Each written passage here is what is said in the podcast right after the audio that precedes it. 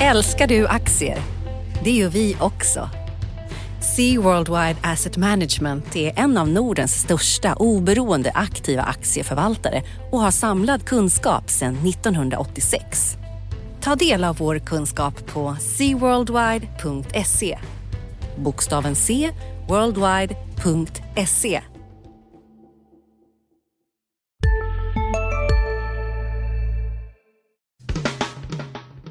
Analyspodden från Dagens Industri. Hej allihop och välkommen till Dagens Industris analyspodd, eh, vårt veckoforum på nätet, medium, radio, vad det nu heter. Med mig Ulf Pettersson och Johanna Jansson. Hejsan Johanna! Hej hej, allt väl? Tycker jag mycket bra. Fredag morgon och vi ska flytta. Vi står här bland alla flyttkartonger. Ja, precis. Och det var ju en jätteintensiv vecka tycker jag i alla fall. Eh, Ja. Vi hade eh, Stefan Ingve som eh, jobbade även på ons, onsdagar. Han, Ja, brukar han jobba jobbade på- extra. Han jobbade extra. Norge som inte jobbade alls, som behöll sin ränta. Och sen så hade vi Fed då i USA, alltså Federal Reserve, centralbanken. Precis, som fick alla andra att jobba med att analysera vad de sa. Precis. Mm. Ska du som är vår eh, makroexpert på tidningen eh, bena ut, vad vill du börja med? Ja, eh, ska vi dra agendan lite fort här? Precis, vi kan prata om veckan som har kommit och sen de här centralbanksbeskeden och sen vad det, får du hjälpa mig sen lite med veckan som, som kommer här framöver också, vad det här har för betydelse. Men om man säger centralbankerna då så, ja, Fed mjukare än väntat. Alltså, jag tror så här, de drog, det drog in som en virvelvind här över, över finansmarknaderna i veckan och vi fick en liten en liten dollarhicka. Dollarn hickade till, börserna hickade till inför mötet. Man var väl orolig att de skulle komma och säga att nu kör vi upp räntan här redan under, tidigt under sommaren och den ska rakt upp i taket. De krattade i och för sig manegen för en första räntehöjning under sommaren, eller ja, Juni. tidigast, tidigast juni. Men samtidigt så drog de då ner sina prognoser för vad räntan ska ta vägen därefter. Så Men- det var liksom både, det var, man fortsatte att, att säga att ja, det här, vi vill, vi vill höja räntan men det kommer gå långsamt. Jag s- tyckte jag läste något från Robert Bergqvist på SEB, eh, deras chefsekonom där, eh, att han tyckte inte de var så mjuka som marknaden tyckte riktigt. Eh, Det beror väl på vad man hade för förväntningar innan och det är väl det allting hänger på just nu. Att det, det har mycket med vad som är förväntat att göra och så även på valutamarknaden. Alltså, det var väl ungefär, nu tror att SEB har, eh, om man bara tar dem som exempel, de räknade, precis som vi har pratat om i tidningen också, att den första räntehöjningen ska komma i september. Så att, eh, det var väl ungefär i linje med det som, som det här beskedet var. En första räntehöjning i september och sen att de kan gå gradvis fram.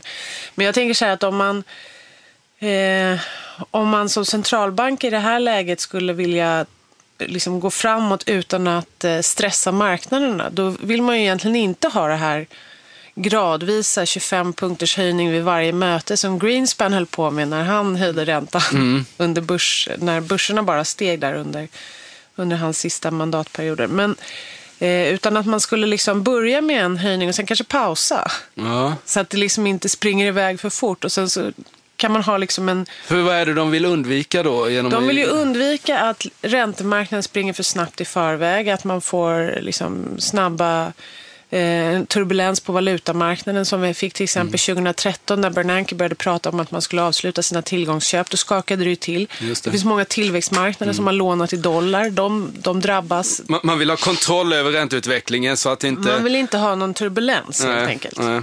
Har du någon uppfattning om var räntan kommer hamna i, alltså Feds, eh, Feds styrränta då kommer hamna om något år eller ja, säg i slutet av 2016? Och Men det handlar ju fortfarande om väldigt låga räntor. Alltså, även om de inleder höjningar nu så börjar de ju på 0,025 just nu. Så de kan ju höja ett bra tag innan de ens kommer upp i 3 procent. Just nu så ligger ju deras egna prognoser någonstans där på väldigt lång sikt. Så Ja.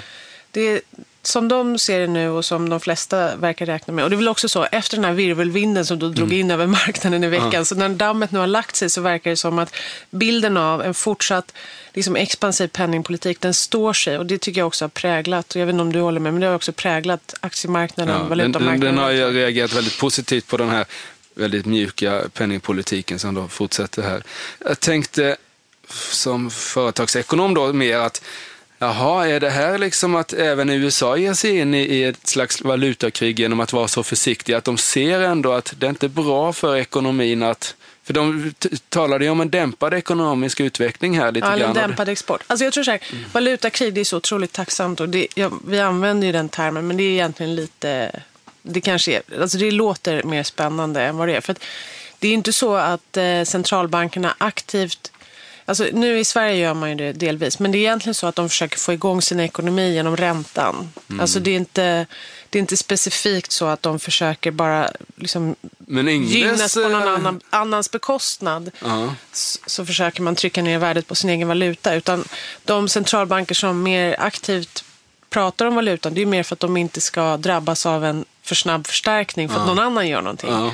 Så att, men visst, det är lite av ett valuta, vi kan kalla det valutakrig och många fokuserar på valutorna. Fed brukar inte göra det. De gjorde det i viss mån nu för de pratar om att exporten har, har drabbats. Och det man kan säga för USA är att många viktiga börsbolag är ju mer exportorienterade än vad ekonomin är som helhet. Ja, absolut. Det- Coca-Cola, det finns ju över hela världen. Precis, Coca-Cola, men det är även Microsoft, Pfizer, Ja, Google. Det, det är verkligen globala företag. Precis. Mm. Och de är viktigare på den amerikanska börsen än vad de kanske är för USA som helhet. För Mm. att USA som land har en dryg, alltså kanske 14-15 procent max. Mm. Liksom som exportberoende. Om man jämför det med Sverige som har ungefär hälften av ekonomin så är det klart att det är betydligt mindre viktigt för dem Mm. hur valutan går.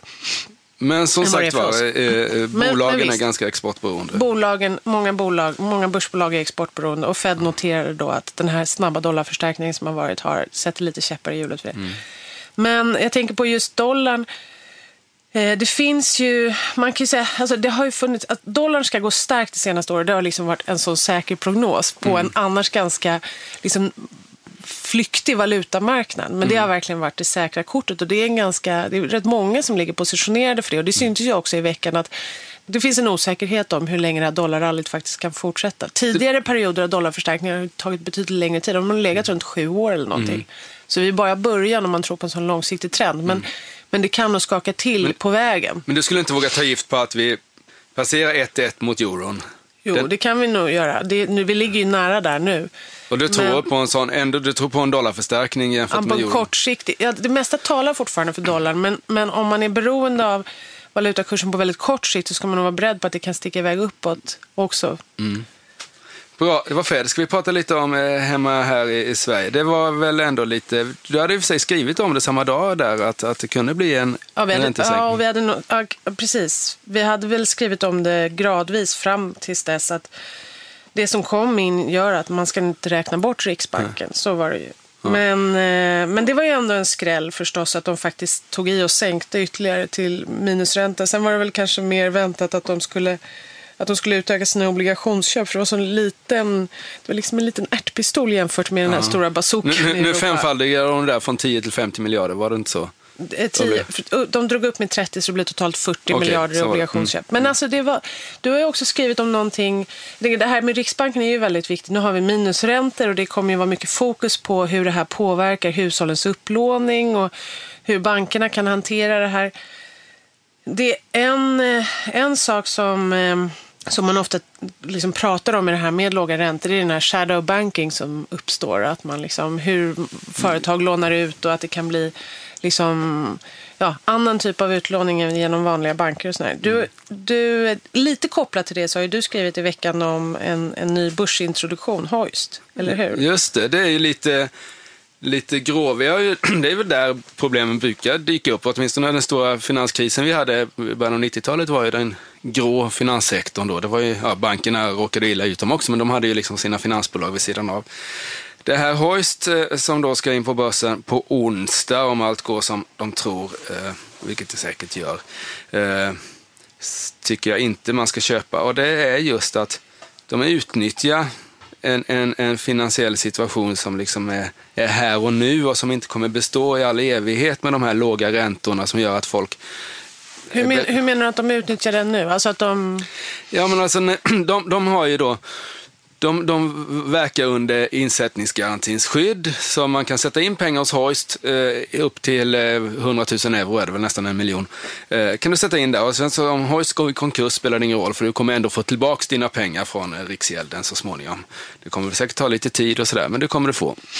Eh, och det, folk är ju liksom väldigt mer villiga att hålla på med eh, när räntan är noll så är liksom 1% mycket på något sätt. Ja. Eh, Och därför flyttar man över mängder av pengar. Hoist har ju tagit in, de är de som har högst ränta, erbjuder högst ränta och tagit in 11 miljarder här på Sparränta, ett par, alltså, Sparränta, ja. ja.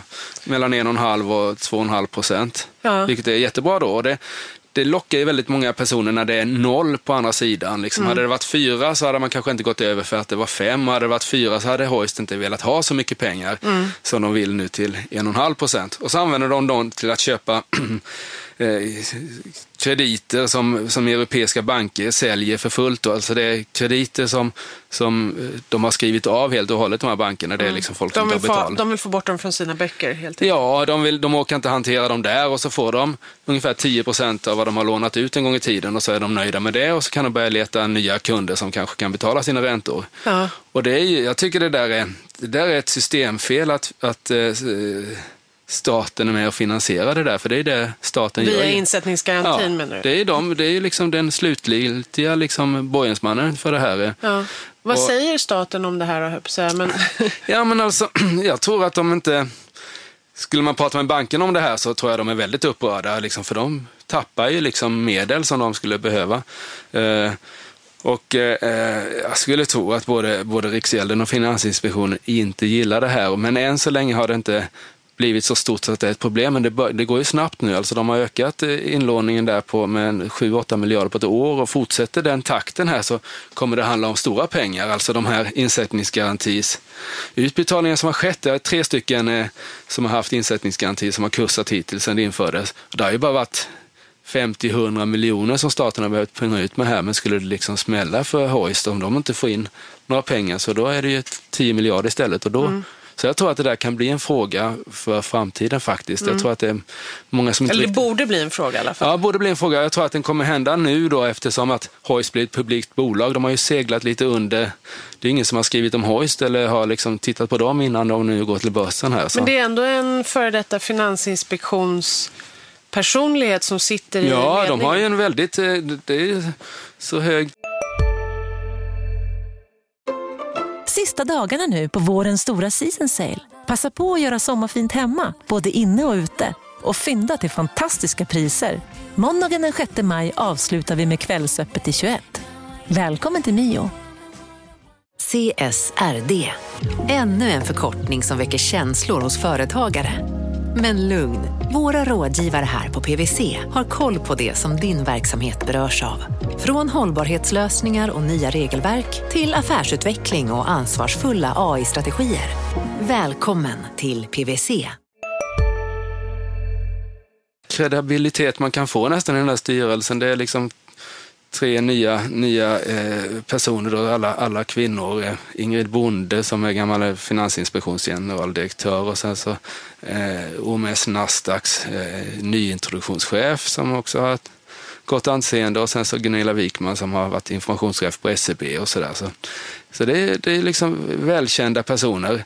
Jag Men det är inte det som är grejen. Du avråder ändå för teckna. Och jämför man Hoist med andra, du nämner i din artikel nämner du Lindorf till exempel. och. Det är, inte, det är lite mer, de har ju inte den här, de drar ju inte nytta av att de tar inte in pengarna via insättningsgarantin utan Nej. de får, och de har en helt annan upplåningskostnad där och det, jag tror inte att någon förutom Hoist tycker om att Hoist har en sån otroligt mycket lägre upplåningskostnad än de andra och jag tror att någon kommer nog vilja sätta stopp för det där. Mm. och då ändras förutsättningarna. då, är, då, är, då är liksom affärsidén död som jag ser det.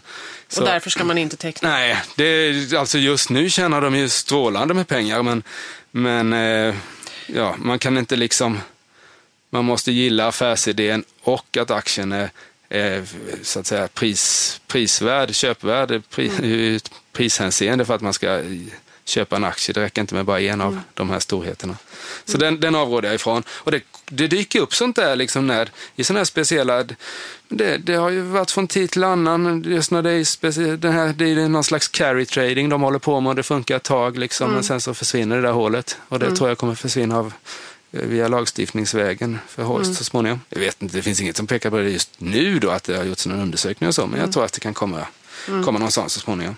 Börsen har ju gått bra här, Eh, den var ju upp nästan 2% på Riksbankens besked. Och, Ja, för det är ju tydligt att det här med centralbankerna, vi, vi pratade om det tidigare, vi har pratat så mycket om centralbanker, Ja. men det är ju mycket fokus på de här centralbankerna eftersom de bidrar till att elda på börskurser och annat Ja, genom all- låga räntor. Ja, precis. Och, att, och det är ju fullt motiverat. Alltså, sänker du räntan med 15 punkter så ska du ju sänka avkastningskravet på aktier med lika mycket egentligen eftersom man utgår ifrån den riskfria räntan och sen Ja, men räknar man, rä, borde man räkna på ett annat sätt nu? Alltså det, är inte bara, det finns ju de som trots, trots att räntan är låg idag, vi vet att den kommer stiga framöver. Är man för optimistisk ändå när man räknar på det här? Är man för mekanisk när man räknar på börsen idag och säger att det inte är någon fara? Ja, men, jo, det är man ju väl delvis, men inte helt och hållet. Skulle man liksom gå från, eh, du nämnde Alan Greenspan här, om man skulle använda hans aktievärderingsmodell så skulle vi haft kurser som är oändliga eftersom vi har minusränta. Ja. Eh, eh, där är vi ju inte då. Eh, De har ju fortfarande ett pris, men, eh, men eh, Men sen finns det ju andra. Det finns Warren Buffetts sätt att räkna. Man tittar på, på liksom börsvärdet i förhållande till BNP till exempel. Då ser Ja. det lite annorlunda ut. Men då ser Ja. det sämre, eller snarare, då är vi på högre nivåer jämfört Ja, det med historien. det är vi. Det där är ett, det där är ju ett bra mått på sitt, men det är ju liksom lite trubbigt. Det beror ju på om vilka bolag som är på börsen så att säga. Om, om, vi, om, eh, om H&M blir utköpt så kommer liksom hans, hans värderingsmodell bli liksom eh, ändras fullständigt då. Det, men Men kan det inte vara så att man borde ha en kombination av olika faktorer? Vi har ju skrivit tidigare om i DI att, eller vår kollega Mikael Wilenius skrev en intressant artikel där han jämförde liksom vilken bubbelvarning det borde vara idag och så tittade Mm. han bakåt i historien och kom fram till att men det är nog inte så farligt i alla fall om man jämför med historiska mått. Men du är lite mer orolig. Ja, men jag är lite, jag är inte sä- alltså jag tror att min, min, min syn på är väl det här att, att Riksbanken försöker liksom hitta 2,0 i inflation. Jag är inte säker liksom att det blir alltid over och undershooting på alla tillgångspriser liksom och inflationen är ju, är ju liksom en prisförändring. Så jag, när vi nu börjar liksom skicka på allt vi har för att få upp priserna här så tror jag inte det kanske stannar vid 2% Då kanske det blir 3-4 och då har vi helt plötsligt en ränta på 5-6 och då, då ska man inte äga bolag som inte, tjänar, eh, som inte ökar vinsten speciellt mycket och värdera dem till P 18-20 som vi gör idag. Då. Och då blir det ju en smäll. Eh, Och då tror jag då kommer man dessutom nå sådana såna räntor som blir så attraktiva så att då syns det ju på bankkontot om man har några procent i ränta där. Eh, Så, så Men jag, jag är nog inte lika orolig Nej, nej. som du är för just när det gäller för att räntorna helt plötsligt, eller att inflationen ska komma liksom eh, Ja, men du såg, noll, rusande här. du såg ju från- 08, alltså under finanskrisen där räntorna bara drog iväg, tillgångspriserna föll Precis, med men- räntan. Liksom, Ja, men då, och då, då hade, det är nog sant. Men inte för att... Alltså, men de, när räntorna steg under finanskrisen, det var ju för att vi helt plötsligt inte ville låna ut till varandra. Men det var ju inte centralbankerna som helt plötsligt från ingenstans började chockhöja. Nej. Däremot en, en, ett riktigt, liksom någonting som är ett osäkerhetsmoment i det här, det är ju att det är väldigt mycket av inflationen de senaste åren som har påverkats av energipriserna. Ja.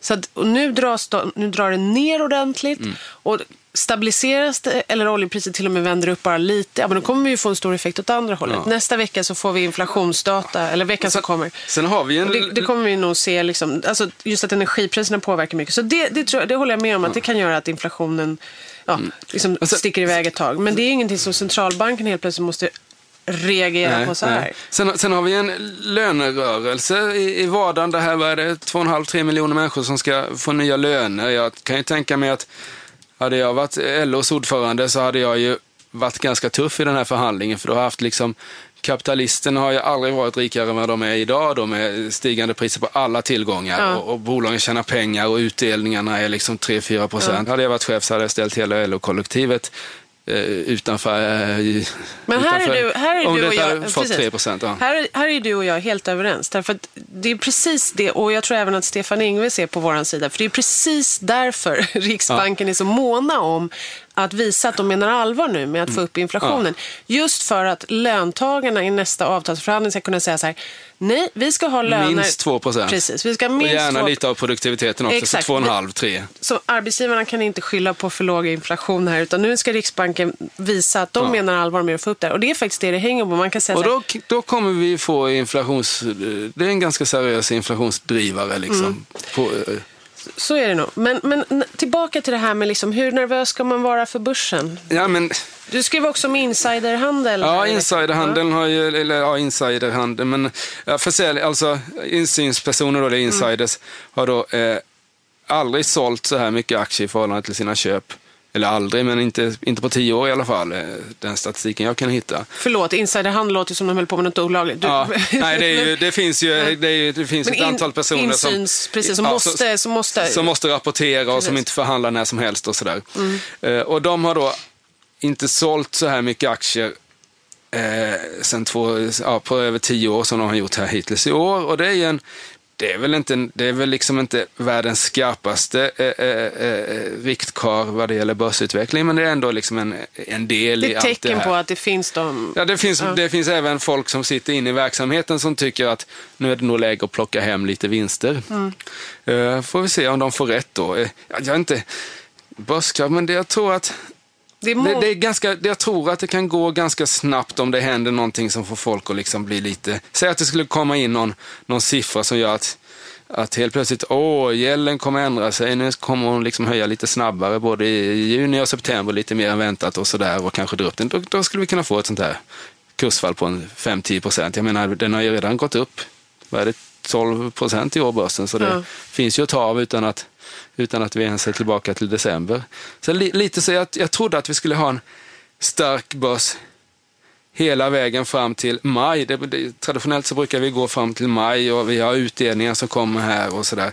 Men det kanske kan bli en liten sättning, eller en sättning på 5-10 procent innan dess. Ja. Kanske redan i april. Ja. Men du, ska vi, vi har pratat länge idag. Eh, och vi har ju mycket att göra, vi måste packa och så. Eh, ska vi, vi nämna lite vad som, ihop den här ska, boxen också? Ja, ska vi nämna kort vad som väntar i nästa vecka när vi håller till i Marieberg där borta? Precis.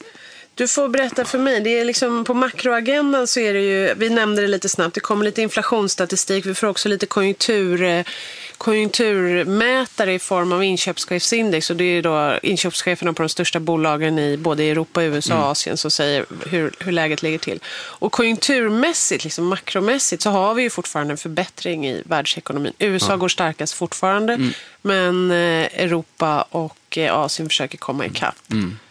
Så så är det ju. Men makro kommer ju lite efter börsen kan man ju säga. Ja, och, och vad det gäller börsen så har vi ju eh, klädrapporterna kör igång. De är ju lite före för de har inte de lämnar inte kvartalsvis, alltså. Eh, ja, de har brutna br- br- brutna, brutna räkenskaper. Så H&M kommer här på tisdag och sen kommer de andra lite mindre bolagen Lite också. valutafokus på de här Valutafokus är det ju. Dollarn har dragit. Kommer det göra att inköpspriserna blir dyrare för H&M är ju en sån där fråga som folk sitter och funderar på. Eh, Men prognosen är ju att de ska öka vinsten med nästan 30 procent här sista kvartalet. Så, så det är ju, De verkar greja det. de verkar greja det. Sen har vi alla bolagsstämmor. Eh, Det ju högtidsstund för de som vill äta gratis. Jag tror inte det är lika, lika fina middagar som det var eh, förr i tiden. Men det är, ändå, det är ändå intressant att vara där. Jag tycker det finns ju en del... H- Handelsbankens bolagsstämma kommer ju bli högintressant. eh, Med ersättningsnivåer. Ja, och allt som har hänt och det ska pratas och sådär. Och jag tycker att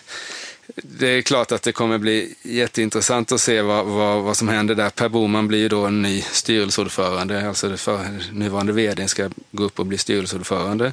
Eh, han har ju då, vilket har varit den stora händelsen, har ju eh, avstått från eh, en jättelön här så han, för att bli styrelseordförande istället. Eh, och han har ju fått mycket, mycket beröm för det där. Jag tror att han kommer få stående applåder från, från eh, deltagarna också. Men hans Anders Nyrén, eh, nuvarande styrelseordförande, kanske inte får lika, lika, Lika mycket beröm. Lika mycket beröm.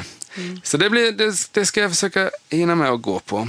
Eh, Men det är även andra banker. Det kommer ju vara liksom en, en eh, styrelsearvodering är ju en sån där fråga. De försöker ju höja den där. De tycker att den har blivit lite låg, vilket den kan ha blivit faktiskt jämfört med exempelvis eh, vd-löner och sånt där nu. För att vara styrelseordförande i de stora bolagen, det säger de som är det i alla fall att det är nästan ett, ett operativt jobb nu för tiden.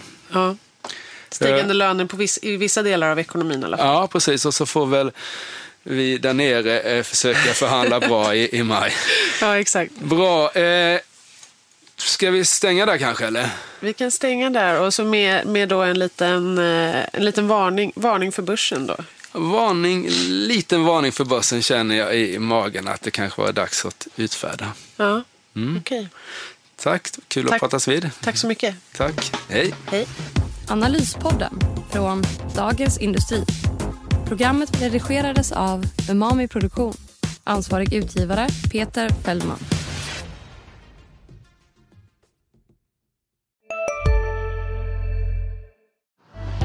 Älskar du aktier? Det gör vi också. Sea Worldwide Asset Management är en av Nordens största oberoende aktiva aktieförvaltare och har samlad kunskap sedan 1986. Ta del av vår kunskap på seaworldwide.se. Bokstaven C, worldwide.se